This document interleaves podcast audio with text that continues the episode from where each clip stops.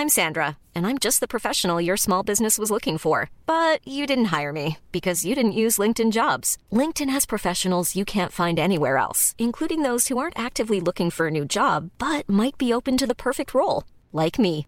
In a given month, over 70% of LinkedIn users don't visit other leading job sites. So if you're not looking on LinkedIn, you'll miss out on great candidates like Sandra. Start hiring professionals like a professional. Post your free job on linkedin.com/people today. This Mother's Day, celebrate the extraordinary women in your life with a heartfelt gift from Blue Nile. Whether it's for your mom, a mother figure, or yourself as a mom, find that perfect piece to express your love and appreciation. Explore Blue Nile's exquisite pearls and mesmerizing gemstones that she's sure to love. Enjoy fast shipping options like guaranteed free shipping and returns. Make this Mother's Day unforgettable with a piece from Blue Nile. Right now, get up to 50% off at BlueNile.com. That's BlueNile.com.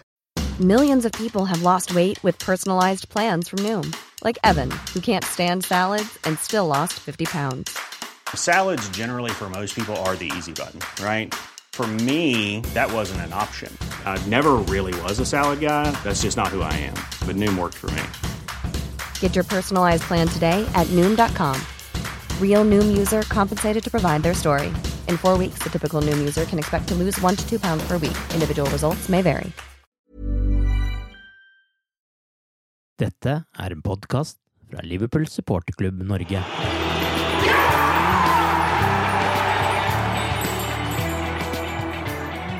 Åtte år under FSGs ledelse, tre år under Klopp, mulig ny Anfield-utbygging, mulig kampfiksing og nye skader i landslagspausen. Det er noe av det vi skal innom i denne tolvte episoden av The Cop-Out-podkasten. Arve Vassbotn heter jeg, og med meg har jeg supporterklubbens Tore Hansen og Torbjørn Flatin. Vi kommer ikke utenom å starte denne podkasten med det mannefallet som landskamppausen igjen har gitt oss. Hva er statusen på Liverpools spillere etter denne perioden, Torbjørn? Ja, det er jo eh, Du må tenke deg litt om, holdt jeg på å si, for det, skjer jo stadig noe nytt her. Men eh, det siste var jo at eh, Nabi Keita måtte forlate banen eh, for Guinea i går ettermiddag. Det er snakk om en eh, strekk i lår, altså. Og hvor du kunne se bilder av en av lagkameratene måtte Eller måtte, han bærte den i hvert fall i garderoben i, til pause. Jeg tror nok det var, var rett og slett for å ikke prøve å belaste det. Eh, Visstnok eh, Dette var i Rwanda, så det hadde visst vært dårlig med, med båre og medisinsk utstyr sånn sett. Så jeg tror det gikk litt mer på at jeg skulle prøve å belaste det minst mulig. Eh, ellers så er det da Tidligere så uh, spilte van Dijk én kamp for Nederland før han uh, reiste hjem. Det var en avtale, men det hadde også sammenheng med at han sliter med to ribbein. og så er det da i tillegg Salah som har fått en strekk for Egypt, og som må regnes som usikkert av Huddersfield. Og i tillegg Mané, som eh, visstnok har uh, bruket tommelen. Også er uh, høyst usikker da til, til Huddersfield på lørdag. Det er det som ofte blir omtalt liksom marerittet med landslagsopphold, og det synes ut som Liverpool ikke minst er et av de lagene som ble utsatt når det gjelder skader og sånt, men nå har det jo vært litt ekstremt, da, med egentlig fire spillere som er påvirka av det. De som skinner litt gjennom nå, er at det er, det er, litt usikkert. Det har jo blitt sagt nå at van Dijk og Salah forventer de blir klare. Og Mané er det litt usikkert, da. Tommelen er jo liksom ikke det du spiller mest fotball med, men han er nå der. Og, og, så er det Keita, da, som kanskje er den som er mest alvorlig akkurat nå, sjøl om det jo er veldig usikkert. Eh, hvor alvorlig det er. Så forhåpentligvis så kan Klopp eh, oppdatere oss litt eh, når det er pressekonferanse i morgen. Ja, og så I tillegg så har vi jo James Milner som ble skada mot Manchester City, som også er ute. Men det, var jo, det skal vi ikke legge skylda på landslaget på. Nei, nei nei. Sorry, men han er òg snakk om at det kanskje blir klart lørdag. Så det, ja, okay. det er liksom litt sånn lysning i skogen, akkurat det. For det er vel med kanskje unntak av Keita, så er det vel ingen som er eh, lenge ute her, men eh, det er jo et forstyrrende element, eh, utvilsomt. Har du noe god teori, Tor, på hvorfor det kommer så mye skader akkurat når det er landslagsopphold? Nei. Nei, greit, da går vi videre. Nei, Nei, jeg har ikke det, altså. Det er det, er det brutale svaret. Men um, du sitter jo og grubler litt, selvfølgelig. Uh, det, det, første bare jeg tenker på, er dette noe spesielt som har skjedd uh, under Jørgen, men det er det vel ikke, Torbjørn? Er du ikke enig i det? At det har vel foregått over tid? Nei, det, det var, jeg, jeg sitter jo og tenker det, det, var en situasjon med, hvis ikke jeg husker helt feil nå, med, hvor Roy Hodgson var landslagstrener, og, og, Liverpool hadde gitt ham et spesielt program som Daniel Sturridge skulle følge under landslagstreningene, for han uh, har jo da en uh, skjør kropp, og de ønska at han skulle ha en litt spesiell, blant annet med oppvarming, ha et spesielt program. Og det gikk vel noen timer, så ble han skada. Og hvor mye eh, Hodgson hadde fulgt det programmet som Liverpool ønska at han skulle gjøre med større slike, det var vel kanskje litt usikkert, men eh, du begynner jo å lure litt på Altså, én ting er jo at eh, sånn som Liverpool nå har hatt et veldig hardt program, og så går du da plutselig rett på eh, landslagsspill. Mens du, hvis du hadde vært i klubben, så hadde du kanskje blitt uh, hvilt litt, fått litt mer pause.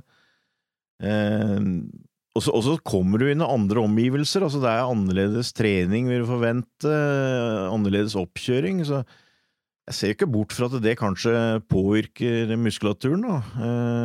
Så nå, nå, sies det jo at eh, Liverpools medisinske personell har god kontakt med de forskjellige landslag og sånt, men eh, jeg veit ikke hvor godt det er tilfellet. Men du må jo begynne å lure, for det, det skjer jo nesten noe hver gang. Ja, og så, det, det, er en som jeg tenker sånn rent konkret på.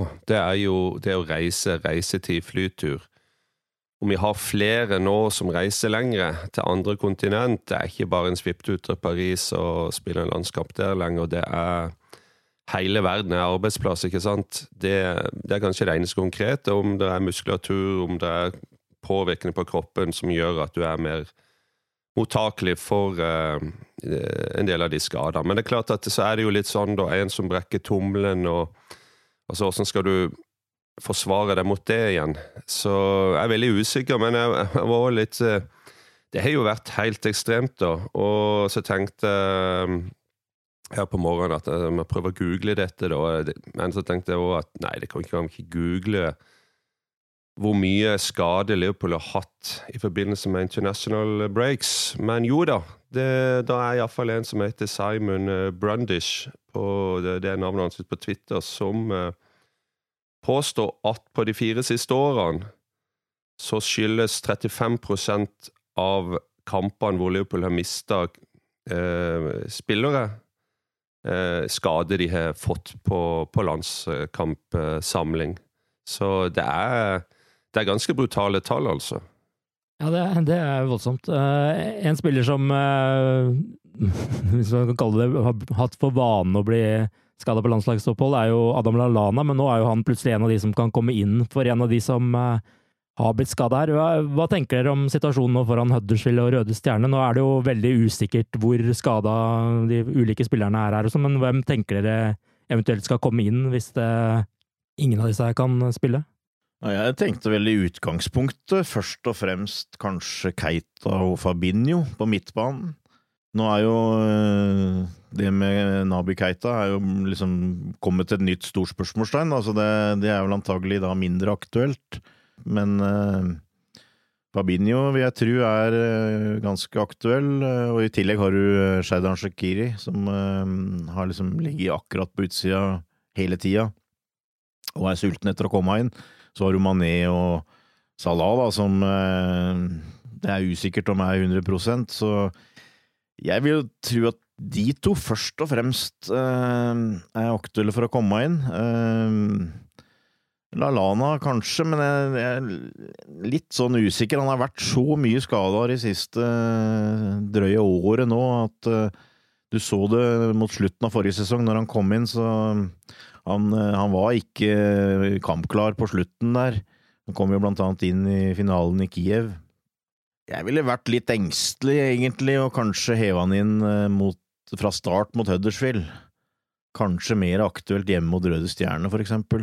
Eh, altså Forsvaret har jo sittet veldig bra. Der vil jeg anta at det er få eller ingen forandringer. Eh, Mens eh, midtbanen er jo det som jeg føler kanskje er eh, De har gjort det bra. eh, Ja, altså, ligaen har jo stort sett vært bra hele tida, men eh, der føler du at det, det kunne vært behov for litt eh, nye krefter og nye nye type spillere, egentlig. Eh, og så er det vel sikkert ikke dumt at de på topp eller kanskje får, får ei pause, eller eh, en annen får en sjanse der, men eh, ja, stort sett så er det, føler jeg vel kanskje da de tre som jeg nevnte, og så har du Lalana litt i bakhånd, men jeg, for meg ville ikke han vært den jeg hadde hatt øverst på lista med å sette inn eh, fra start. Ja, eh, Lalana har blitt et lite sånn problem, og en annen ting med Lalana til tillegg til at han er mye skada, så syns jeg òg han er en av de spillerne som trenger tid for å spille seg god igjen. Du har spillere som eh, har vært skada i uker eller måneder, og så kommer de inn igjen, og så er det nesten som de bare fortsetter der de slapp. Og det er selvfølgelig eh, det, det er ikke enkelt, uh, dette med å komme inn, og, og spesielt kanskje ikke når det er en spiller som Lallana som spiller på små marginer, men dessverre så er han nok òg en, en spiller som trenger litt tid for å få inn den gode, den gode følelsen og touchen på ballen og alt det der før han er i form, sånn at jeg forventer egentlig, egentlig veldig lite av lite han, altså. Men uh, han er en av de som kan komme inn, helt klart. Um, nå blir jo den pressekonferansen i morgen plutselig veldig, veldig spennende, men si nå at uh, iallfall van Dijk og Salah er klar, da. Uh, Så, så er det jo plutselig ikke sånn all verdens hodepine likevel, muligens. Og vi har jo snakka i hele høst om at uh, nå har vi et bra lag, men vi har jeg håper å si, nesten en minst like bra benk. Og nå blir det jo en test på dette, da. Hva er, hva er den benken verdt? Nevner jo van Dijk her. Det kom jo litt sånn urovekkende opplysninger fra Ronald Coman om at eh, det skal dreie seg om et eh, to ribbeinsbrudd og ikke brist. Hvordan tolker dere det? Er det noe som man må ha forsøkt å holde skjult i Liverpool for at ingen skal liksom sette inn en ekstra albue på van Dijk, eh, eller eh, tror dere han bare rister seg av seg uansett og går videre? Det er nesten så du begynner å tvile på at øh, Når du hører det er to brudd, altså det, det må jeg innrømme at jeg, jeg undrer meg om det kanskje er noe i oversettelsen der som må forsvinne i en eller annen plass. Men uh, to uh, ribbein som det er brist i, er for så vidt alvorlig nok. Uh, og det ble jo snakk om den kampen hvor han gikk ut, så eh, var det såpass at han eh, sleit med å kunne prate, rett og slett, for det gjorde vondt. Eh, så, så det er klart han har fått en skikkelig smell der. Men han spiller jo hele tida, så Og dette var vel planlagt med Nederland, at han skulle spille den ene kampen, og så skulle han tilbake til Liverpool med en gang, så jeg vil jo forvente at han spiller mot Huddersfield, men det er jo vanskelig å vurdere hvor alvorlig dette er her, da, men jeg regner med at Liverpool føler at de har rimelig kontroll, at de, at de ikke risikerer mye, at, eh, at det blir, blir for verre her. Ja, nei, det, det er jo det er spesielt, for det er definitivt eh, en, av, en av våre viktigste, hvis ikke den viktigste spilleren, så det gjelder å eh, håndtere dette eh, bra, selvfølgelig. Eh, men jeg vil kanskje anta det at eh, Klopp for eksempel benytter han nå i li- ligakampene, og kanskje han en pause, i hvert fall én kamp mot Røde Stjerne, men det, det får vi se på. Jeg er helt enig med Torbjørn. Altså, det er noe som er veldig merkelig her, og om det er lost in translation eller hva det er. Men har du ribbeinsbrudd, og i tillegg blir plukket ut og, og, og trene og spille landskamper, så er det noe merkelig. Så det, det forhåpentligvis så kommer Klopp til å kanskje si eh, litt utfyllende om det òg i morgen, men eh, bekymringsfullt, ja. Han er, han er en ledestjerne. Han er, han er den vi stoler på, selvfølgelig bak oss der, og du føler at eh, ikke bare det at han, eh, han er en dritgod spiller, men eh, det er liksom presence og den typen han er, og står fram, han, han sprer confidence, og det er no bullshit. Så eh, han, han er ekstremt viktig, så men klart, kanskje eh, Jeg er også enig med, med Torbjørn i at eh, skulle vi hvilt i den kamp, så hadde jeg kanskje tatt han i en Champions League-kamp eh, istedenfor borte mot Huddersfield. Et eh, annet tema som naturlig nok blir mye diskutert, er Liverpools angrepsspill denne sesongen. Eh, en innsender som kaller seg Håvard, eller han heter sikkert også Håvard, skriver at eh, denne sesongen har vi ikke hatt samme flyten i angrepsspillet som i fjor. Føler at det ikke er like mange samtidige offensive bevegelser, og at det dermed blir lettere å forsvare seg mot. Nå er det muligens å male fanden på veggen, men kan det ha sammenheng med avgangen til Bovac? Hva tror dere? Savner Klopp han som ble omtalt som hjernen? Det er jo alltid vanskelig å vurdere, da. Hvor mye betyr nummer to, liksom? Eh, hvor mye betyr assistenten? Mm. Spesielt hvis du har en type som Buvart som du aldri liksom hørte noe fra. Eh, det er jo ikke tvil om at han var veldig nær Klopp. Eh, etter det jeg har hørt, så er han så var det en ganske annen type på felt enn det du kanskje fikk inntrykk av. Han var en som virkelig kunne si fra, og nesten var litt sånn bad cop, kunne være. og men hvor mye han hadde å si med det taktisk og sånt, og det er jeg litt usikker på. Han var jo forsvarsspiller, så eh, om det var han som var liksom hjernen bak den, bak den offensive planen, det er jeg litt usikker på, da. Men eh, det er vanskelig å vurdere. Jeg, hvis jeg personlig, så tror jeg det går mer på at de tre framme er litt ikke i toppform. Kanskje litt prega av at de har spilt VM og litt sånt, at spruten er ikke helt der. og vi har kanskje ikke kommet ordentlig i gang på midtbanen heller, med, med den rette balansen der, så um, jeg, jeg, jeg, tror jo den gegenpresset Jürgen er såpass innarbeida, eh, både i, i, hans team, at uh, jeg blir litt overraska hvis uh, hvis det skulle rakne liksom, med at én person er ute. Men uh, som sagt, det er veldig vanskelig å uttale deg om når du ikke sjøl er flue på veggen. Sånn ellers har jo resultatene vært uh, ganske gode denne sesongen, får man vel si, selv om man har uh, eh, mista assistenten. Men uh, hva tror du, Tore? Har han et poeng her? Ja, altså, det, det, er, det er, jo Vi vet jo ikke. Det er jo det som er sikkert. Og um Eh, merkelig nok så er det gått veldig eh, litt rykte om det òg, det er jo egentlig bare bra. Det, de ryktene som gikk, var jo at han var aktuell eller hadde flørta med andre lag, til og med Arsenal, og det syns jeg virker helt sprøtt. Um, altså Hvis du skal erstatte Wenger, så, så erstatter du ikke med nummer to i Liverpool som ikke har noe managererfaring. Så det var, det var liksom det som i tillegg gjorde det til en merkelig situasjon, syns jeg, da. Men at par, for å kalle det det, splitte opp etter hva det er 17 år de var sammen. Det skjer. Hvor mange assistenter sleit Ferguson ut i United? Um, det, ting skjer. Og um, det som jeg bare egentlig tenker, er at um, vi, vi, vi, gjorde det jo ikke merkbart dårlig For det første, vi gjorde det ikke merkbart dårligere etter han forsvant. Tvert imot så ble jo uh, våren en eneste stor uh, flytsone. Så, så, det er ingenting liksom, du kan sette fingeren på at det skjedde noe, noe, noe endring. Du hadde, du hadde, en lignende situasjon med, med Rafa for en del år siden. Og der strides strides veldig lærde litt mer, da, om hva den eh, krangelen skyldtes, og hvordan egentlig, om det gikk så mye bedre etterpå, eller om ikke Rafa sleit en del etterpå, etter at de hadde splittet opp med assistenten. Men uansett, tilbake til, til nåtid, så uh, Det som jeg tror, og det er bare min personlige mening, det er at uh, skjer det noe i kampens hete, enten Eh, selvfølgelig hundekamp, da, men òg i garderoben. Eh, da er situasjonen som gjør at du må tenke raskt og ta raske avgjørelser. Så er det jo klart at en du har jobba med i, i, i, 17 år, har kanskje en uh, sterkere stemme enn en, en ny assistent, for å kalle det det. Det andre er jo òg det at hva skal vi si, da? Altså den eh, Det å tørre kanskje å si imot Klopp, da. Ikke sant? Hvis, hvis uh, assistenten uh, mener at uh, Klopp er i ferd med å gjøre en feil, eller kan, kanskje til og med komme med et bedre forslag. Altså Den stemmen der òg har Jørgen kanskje ikke helt fått på plass ennå.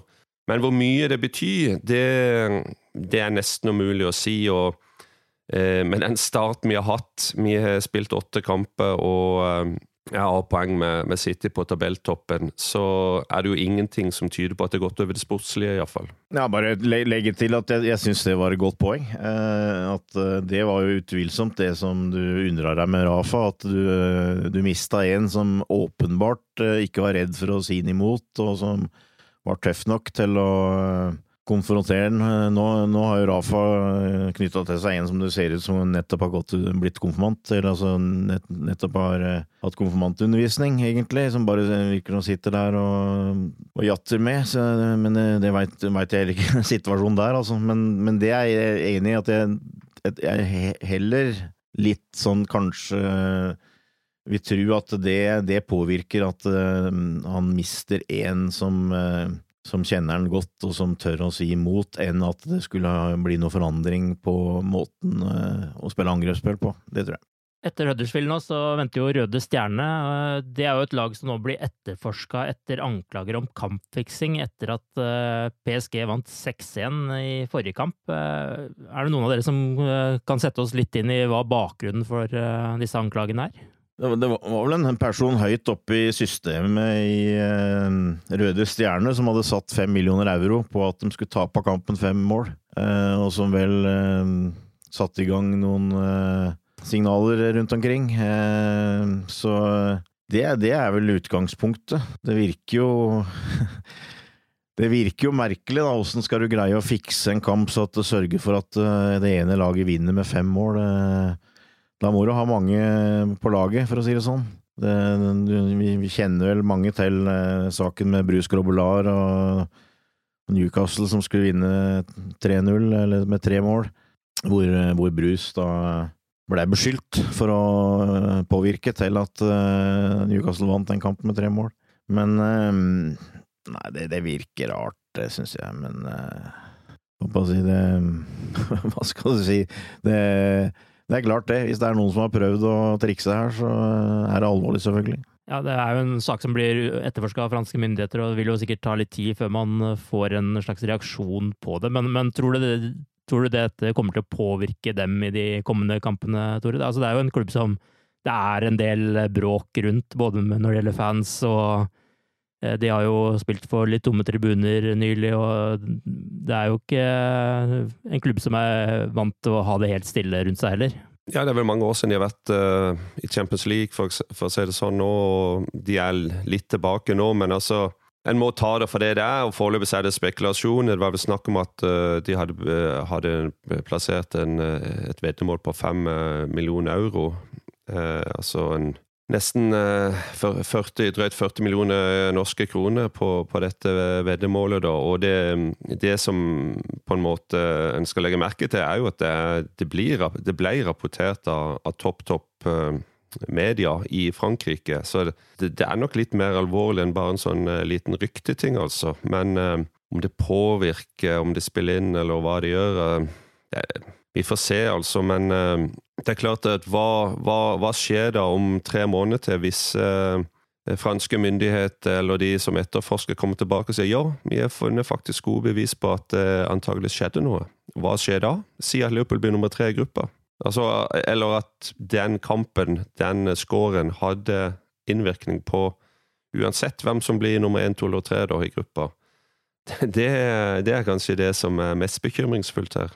Ja, plutselig blir den Napoli-kampen eh, langt viktigere enn den eh, så ut som, da. Ja, det, det kan eh, for eksempel godt skje. ja. Men nå er det jo spennende. Nå, nå skal vi ha to kamper mot nettopp Røde Stjerne, så, så, får vi kanskje kjenne klubben enda bedre og få litt mer føling på hva sånne ting har å si, da, hvis det overhodet har noe å si. La oss skifte tema. Fenway Sports Group, eller FSG som de kalles, har nå sittet i åtte år som eier av klubben. På den tiden har det vært fire managere, det er brukt tett opptil 850 millioner pund på spillekjøp. På salgssiden er det hentet inn 565 millioner pund, og dermed har FSG brukt ca. 283 millioner pund netto på spillekjøp gjennom disse sesongene. Eh, hva synes dere FSG har lykkes med og mislykkes med så langt, og har de alt i alt vært gode eiere for Liverpool? Ja, Hvis jeg skal begynne med det, så er konklusjonen at eh, jeg syns det har vært gode eiere i Liverpool. Eh, jeg har vel ikke vært den som har vært mest imponert, kanskje, fra starten av, men det hadde vel kanskje òg litt med at brent barn osv. med de forrige amerikanske eierne vi hadde. Det er klart, vi, vi så jo um, eier John V. Henry med sigaren etter han hadde signert kontrakten, og utbasunerte at uh, de var kommet til Liverpool for å vinne. Det var, det var målet, ikke for å gjøre seg rike. Og um, nå har vi vært i åtte år, og vi har vunnet én ligacup, uh, så akkurat den eh, lovnaden eh, gjenstår vel for så vidt. Eh, så var det ting i starten som eh, ikke syntes funka optimalt. Eh, det var eh, helt klart folk som var, eh, kom fra amerikansk idrett, og som tok tid til å sette seg inn i europeisk fotball. Hadde en idé om at de skulle ha et såkalt Moneyball-prosjekt. Eh, ansatt eh, fotballdirektør. Eh, det skulle gå Overganger skulle skje via mye statistisk, statistisk analyse, hvor du skulle kjøpe billig og selge dyrt, eh. Jeg hadde en transferkomité. Eh, De har sparka tre managere den tida de har vært her. Den ene overtok dem, så det kan de ikke få skylda for. Eh, Dallish ble de kanskje litt pressa til, i og med at eh, fansen ikke lenger ville ha Hodgson, og så eh, ansatte de utvilsomt Brenner Rodgers eh, etter eget ønske, eh, som vel må si kanskje ikke var helt klar for en, en sånn jobb. Men det er jo noe som heter at når enden er god, så er allting godt, og det skal FSG ha ved siden av at de har vist seg som gode kremmer her, så har de vært villige til å og lytte til råd og lære av sine feil. Eh, De eh, gjorde etter min oppfatning, eh, om ikke en liten genistrek, så i hvert fall sin beste avgjørelse når de ansatte Jørgen Klopp, eh, som har bidratt til at overgangene har ordna seg. Det har vært veldig mye bra på det området i det siste. De har stått bak en imponerende ny hovedtribune. Arbeidet er i ferd med å samle eh, og junioravdelingen til et Ready to pop the question? The jewelers at BlueNile.com have got sparkle down to a science with beautiful lab grown diamonds worthy of your most brilliant moments. Their lab grown diamonds are independently graded and guaranteed identical to natural diamonds, and they're ready to ship to your door. Go to BlueNile.com and use promo code LISTEN to get $50 off your purchase of $500 or more. That's code LISTEN at BlueNile.com for $50 off. BlueNile.com code LISTEN. There's never been a faster or easier way to start your weight loss journey than with PlushCare. PlushCare accepts most insurance plans and gives you online access to board-certified physicians who can prescribe FDA-approved weight loss medications like Wigovi and Zepbound for those who qualify. Take charge of your health and speak with a board-certified physician about a weight loss plan that's right for you. Get started today at plushcare.com slash weight loss. That's plushcare.com slash weight loss. plushcare.com slash weight loss. Burrow's furniture is built for the way you live. From ensuring easy assembly and disassembly to honoring highly requested new colors for their award-winning seating, they always have their customers in mind. Their modular seating is made out of durable materials to last and grow with you. And with Burrow, you always get fast, free shipping. Get up to 60% off during Burrow's Memorial Day sale at burrow.com slash ACAST. That's burrow.com slash ACAST. burrow.com slash ACAST. Hey there, it's Michelle Norris. I'm host of a podcast called Your Mama's Kitchen. When I travel, I'm usually looking for a way to find a taste of home when I'm not at home. And one of the things I love to do when I am at home is entertain. And Airbnb allows me to do that. When I was in California recently, I rented a house that had a great kitchen. And when we were sitting around the table, we're all thinking, we're in someone else's house. Someone could be in all of our homes as well. If you have a home, but you're not always at home, you have an Airbnb. Your home might be worth more than you think. Find out how much at airbnb.com/slash host. Millions of people have lost weight with personalized plans from Noom, like Evan, who can't stand salads and still lost 50 pounds. Salads, generally, for most people, are the easy button, right? For me, that wasn't an option. I never really was a salad guy. That's just not who I am. But Noom worked for me. Get your personalized plan today at Noom.com. Real Noom user compensated to provide their story. In four weeks, the typical Noom user can expect to lose one to two pounds per week. Individual results may vary. eh, flott anlegg ute i Kirby. Så det er veldig mye bra som skjer i klubben nå, og det er klart, eh, tar du eh, situasjonen per i dag, så har vi en meget god manager, og vi har et, en tropp, spillertropp, som er bedre enn på svært lenge. Og så gjenstår den siste biten, da. Eh, jeg har ikke lyst til å dele noen sigar med Henry før det står en uh, stor pokal i skapet på Anfield, og med stor pokal så mener jeg Premier League eller Champions League. Men forutsetningene til å kunne greie det er utvilsomt mye bedre nå enn det var før FSG tok over, så alt i alt så uh, kommer du ikke utenom at du må konkludere at det har blitt skjedd veldig mye bra i det siste, og det skjer veldig mye bra for øyeblikket i Liverpool FC, og at uh, de alt i alt må betegnes som gode eiere.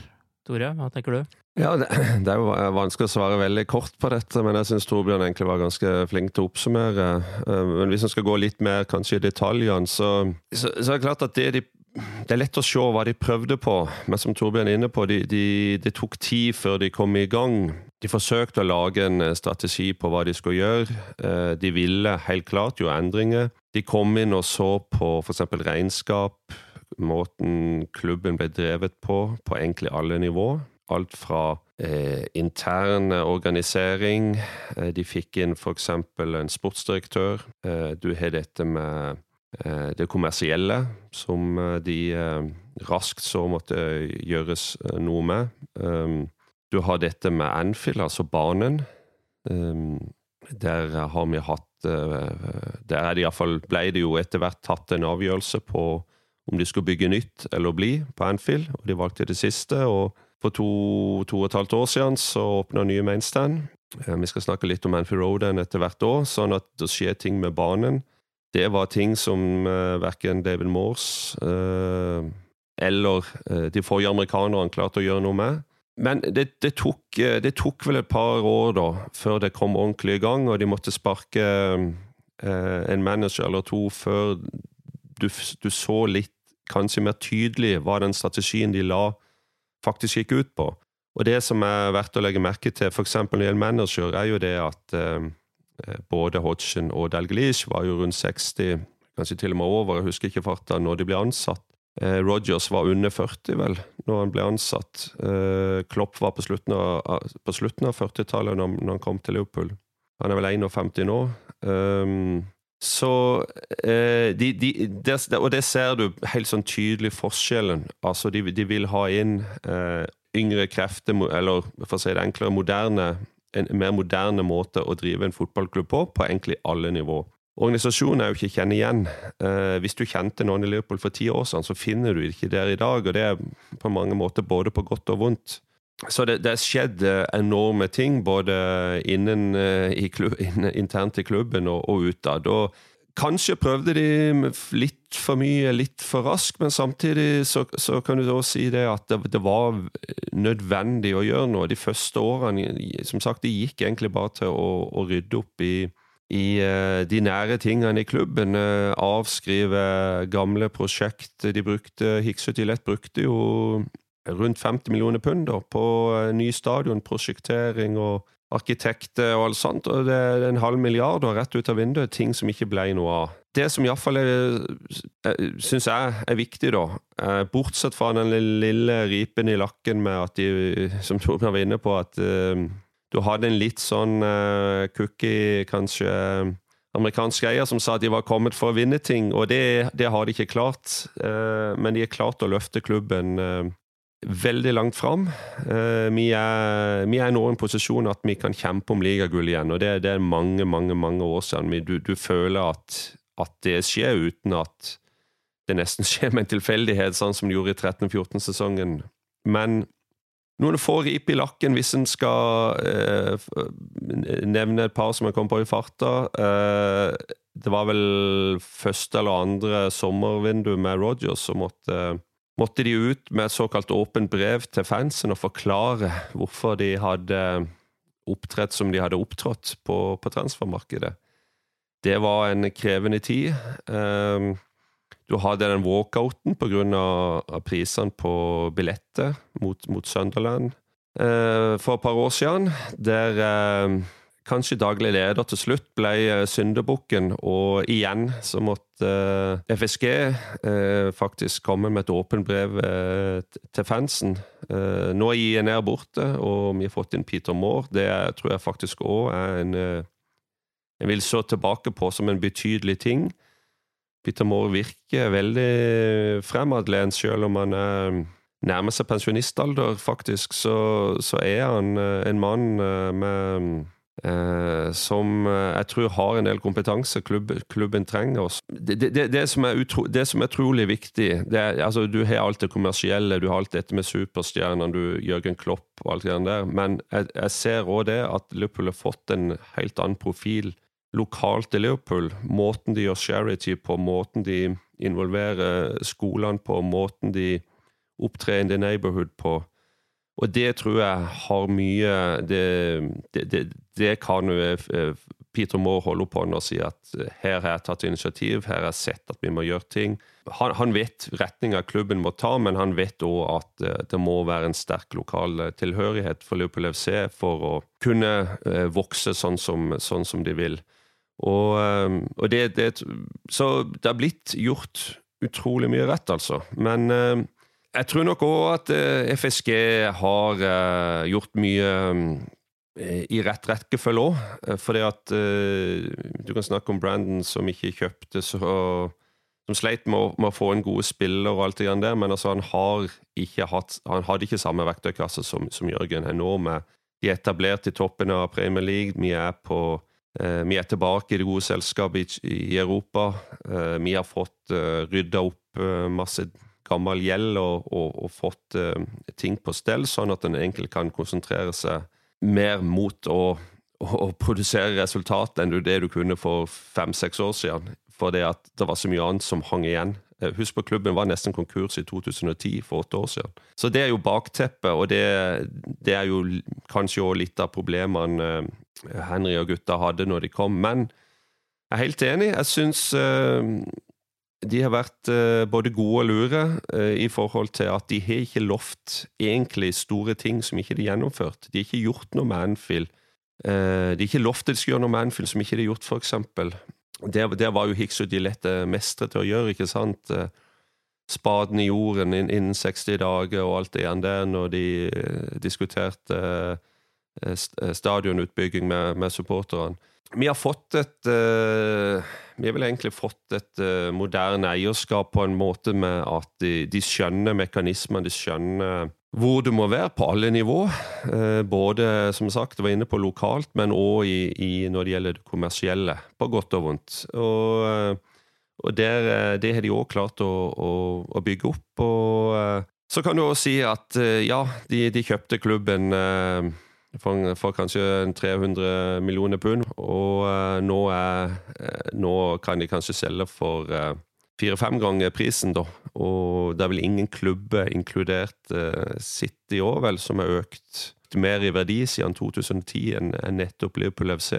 Så det sier jo òg noe om hva de har oppnådd, og at de har faktisk har etter hvert funnet en rett strategi for den gamle storklubben.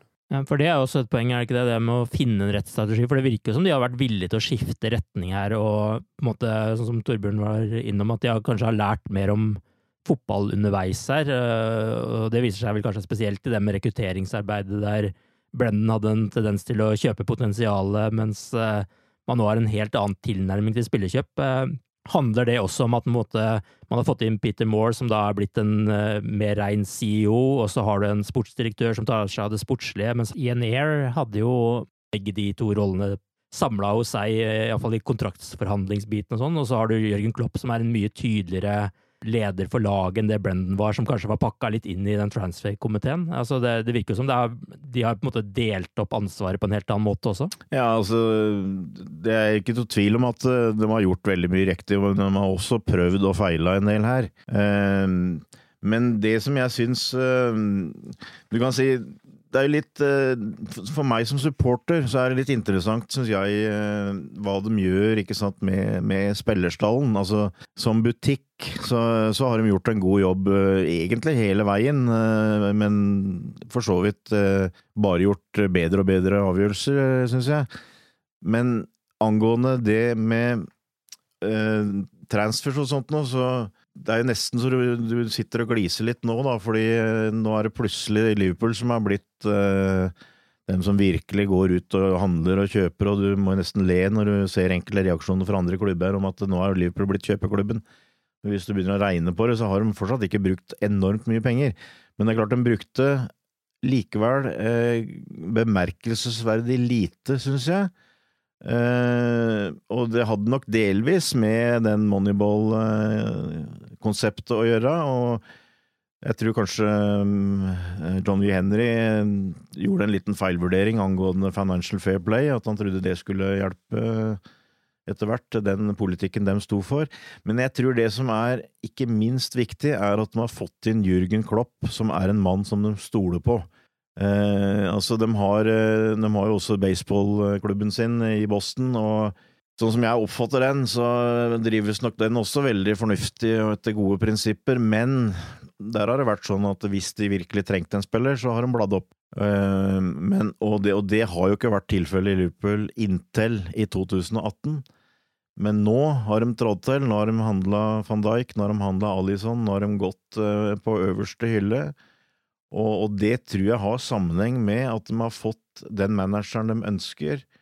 Uh, og det har også påvirka måten den sportslige ledelsen uh, fungerer på. Uh, altså, Brenden blei jo nærmest en motstander av transferkomiteen, sånn som vi forsto det. Mens derimot Klopp hadde en fortid som var vant til å jobbe med sånn, og som har de har funnet de rette folka. Komoli forsvant ut, eh, mens han eh, mens andre eh, blei beholdt der. Michael Edwards, som styrer med, med transfer, for eksempel.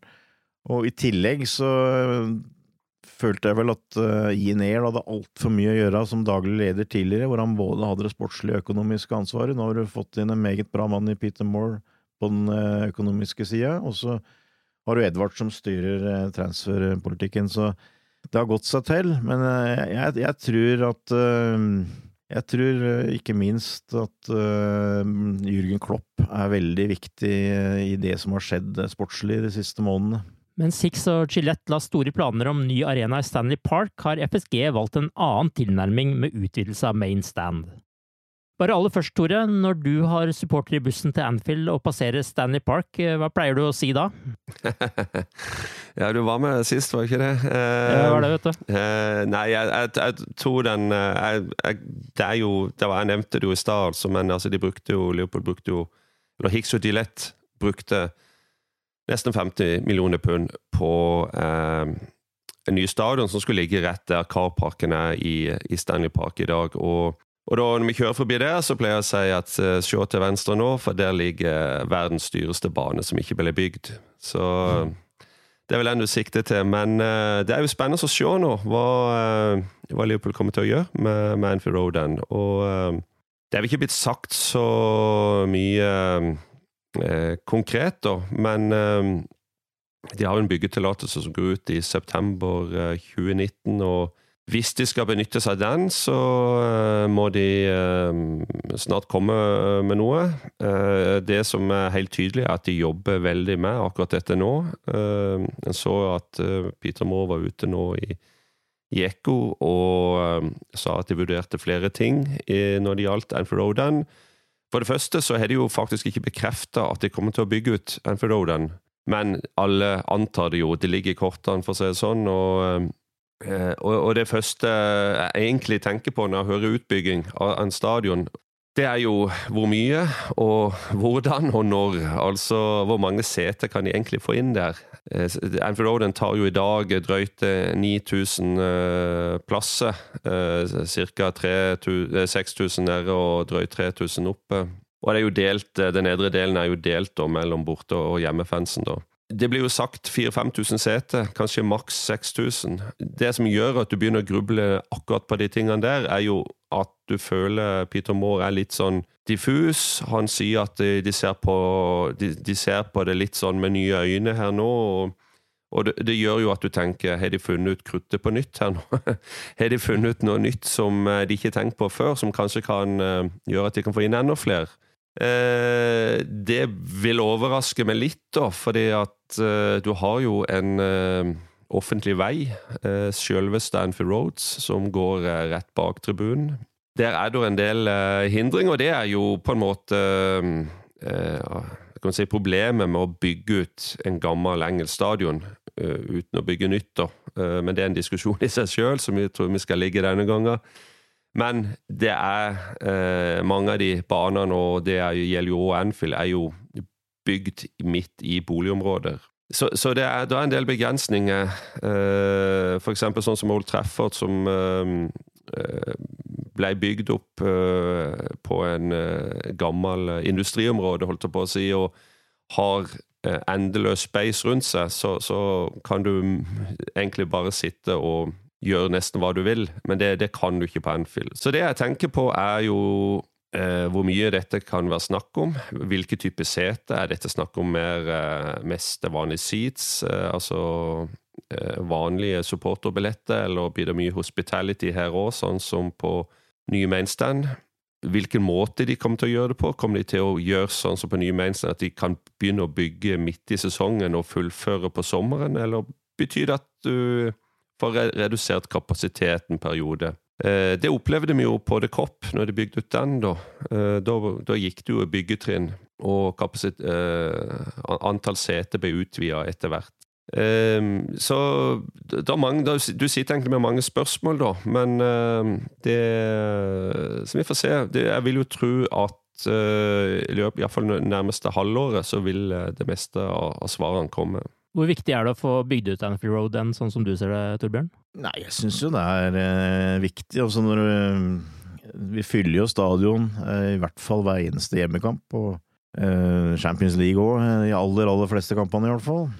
For meg, for meg, så blir det litt rart, altså når du, når du veit at du vil få eh, full dekning på de setene, hvorfor blir det ikke bygd? Eh, nå tror jeg det kommer til å bli bygd eh, etter hvert, men det har tatt sin tid, og det, er ikke noe tvil om at eh, det er kanskje litt sånn FSGs eh, det, de står for, at de, de, vil være sikre på at det de gjør, bringer inn penger, og at det ikke tar for lang tid, og så videre. Men det er litt interessant at det på en måte er blitt utsatt, da, fordi det, hva, hva, har de i, i lomma, liksom? Altså, men det er jo Én eh, ting her er jo at du snakker om antall seter, eh, sånn som jeg forstår det. Så at skal du komme noe særlig over 60 000, så er du nødt til å ha en helt ny infrastruktur. Altså da må du ha en helt annen tilgang eh, med transport, mulighet for parkering osv. Så, videre. så er det noe sånt som liksom ligger og lurer i sivet her, eller, eller hva er det, liksom? Eh, jeg hadde jo, må jeg, må jeg, innrømme at jeg hadde en våt drøm en gang om å få et kjempestadion i Stanley Park. Eh, nå syns jeg det som har skjedd på Anfield har vært veldig positivt, så den skal jeg svelge, egentlig. Men eh, det som også har skjedd, er jo at eh, det er klart at Liverpool ligger inne i et boligområde, og sånn sett så er det vanskelig i forhold til andre, men det virker jo som kan si klima eh, politisk har forandra seg en god del. Altså for, bare for noen relativt få tiår siden så var, virka det bare helt uaktuelt eh, å bygge en stor stadion i Stanley Park, for eksempel. Eh, det blei det jo til slutt tillatelse for. Eh, men noe av årsaken til at eh, det var noen av oss som eh, kunne se for seg en sånn superstadion, eh, det var jo også fordi at vi, det ble fortalt at uh, Anfield kunne gjøre veldig lite med. Uh, det krevde det og det, og tillatelse til det og det, men der virker det som at uh, den politiske viljen til å gjøre noe har forandra seg. Nå skal Everton sannsynligvis bygge stadion nede på Dokken, så da regner jeg med at de er positive også til Liverpool i forhold. Så, sånn sett så er det, er det kun liksom, politiske avgjørelser som, som stopper dette her nå. Men uh, ja, det, det, hvor viktig det er å få 5000-6000 nye seter, det, det, er kanskje litt vanskelig å vurdere. Men altså, alt, alt som skjer positivt med stadion, og som gjør at flest mulig får sett Liverpool, jeg syns det er positivt. Det. Ja, altså, det, det, skjer jo stadig. Det er jo tydelig at det med, med stadion og bruken av stadion er en liten hjertesak for Peter Mordo. Og nå skal de jo ha um, nå har de fått en, en toårs uh, uh, tillatelse til å, å ha ikke-sportslige arrangement da, på Anfield. Og skal jo ha to, to, store popkonserter på Anfield i løpet av sommeren, f.eks.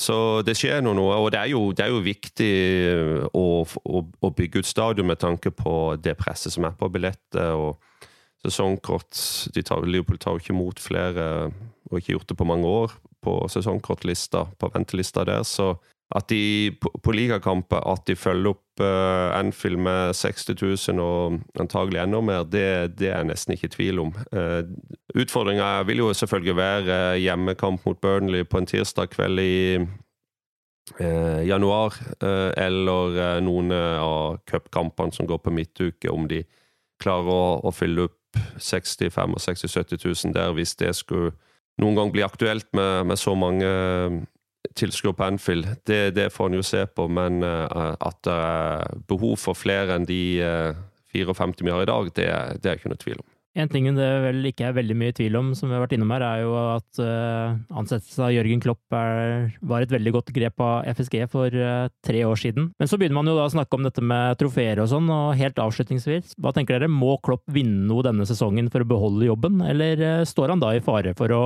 bli bytta ut, han også? Hvis han ikke gjør det, altså. Svaret klart på det? Nei, det tror jeg ikke. Jeg tror eh, Jeg syns det ville være helt galskap hvis for eksempel Liverpool skulle blitt nummer to i ligaen og kommet til en semifinale i Champions League, og så sparker vi Jürgen Klopp. Eh, du kan si presset på en måte øker, fordi at eh, det begynner å bli lenge siden han har vunnet et trofé, eller han har ikke vunnet trofé med Liverpool, og han har tapt en del finaler, både med Liverpool og i, i Tyskland. Eh, men nei, eh, så lenge dette her eh, ser ut som de har en positiv retning, og, og klubben utvikler seg, spillerstallen utvikler seg, så må vi gjøre det vi kan for å beholde Jürgen Klopp. Men det er selvfølgelig det, det blir prata mye om, fordi at nå føler jeg at ikke minst på grunn av Jürgen Klopp, så har vi kommet til en posisjon hvor vi forventer at vi kan være med og kjempe og spise kirsebær med de store.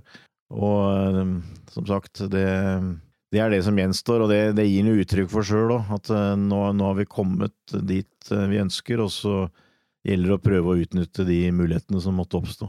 Ja, jeg er helt enig. Uh, det ville være galskap, og jeg tror ikke det overhodet er på agendaen heller. Jeg tror, som jeg iallfall har sagt og skrevet før, at Jørgen Klopp er den største stjernen i Liverpool.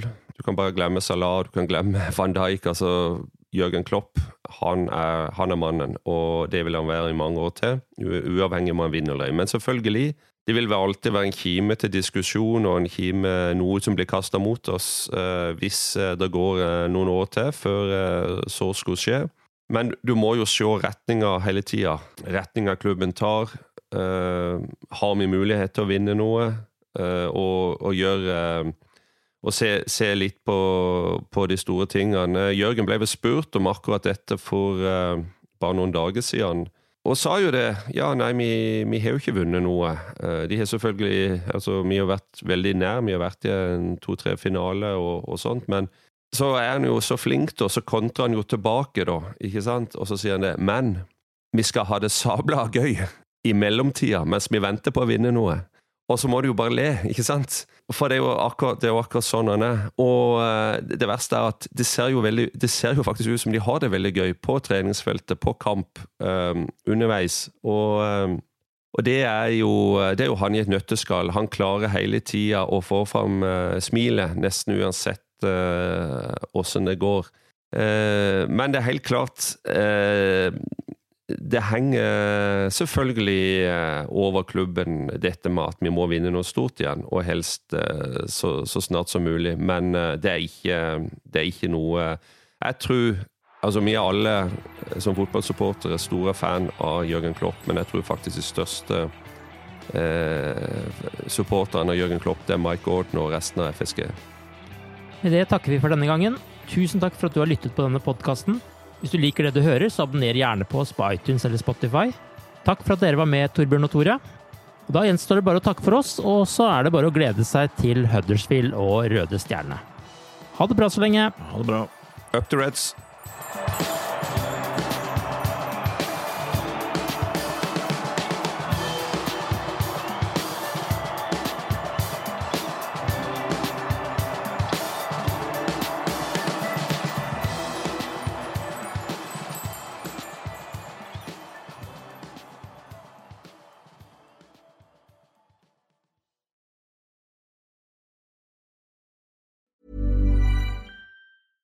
Want flexibility? Take yoga. Want flexibility with your health insurance? Check out United Healthcare Insurance Plans. Underwritten by Golden Rule Insurance Company, they offer flexible, budget friendly medical, dental, and vision coverage that may be right for you. More at uh1.com. Hey, it's Danny Pellegrino from Everything Iconic. Ready to upgrade your style game without blowing your budget? Check out Quince. They've got all the good stuff shirts and polos, activewear, and fine leather goods all at 50 to 80% less than other high-end brands. And the best part? They're all about safe, ethical, and responsible manufacturing. Get that luxury vibe without the luxury price tag. Hit up quince.com slash upgrade for free shipping and 365-day returns on your next order. That's quince.com slash upgrade. Hi, I'm Daniel, founder of Pretty Litter. Did you know cats tend to hide symptoms of sickness and pain? I learned this the hard way after losing my cat, Gingy. So I created Pretty Litter, a health monitoring litter that helps detect early signs of illness by changing colors, saving you money and potentially your cat's life. Pretty Litter is veterinarian developed, and it's the easiest way to keep tabs on your fur baby's health right at home. Go to prettylitter.com and use code ACAST for 20% off your first order and a free cat toy. Terms and conditions apply. See site for details.